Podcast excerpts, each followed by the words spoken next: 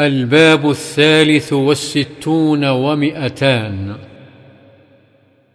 باب بيان غلظ تحريم شهادة الزور. وعن أبي بكرة رضي الله عنه قال قال رسول الله صلى الله عليه وسلم ألا أنبئكم بأكبر الكبائر؟ قلنا بلى يا رسول الله. قال الإشراك بالله وعقوق الوالدين.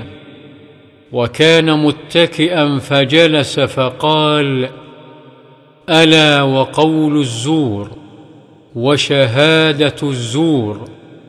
فما زال يكررها حتى قلنا ليته سكت. متفق عليه.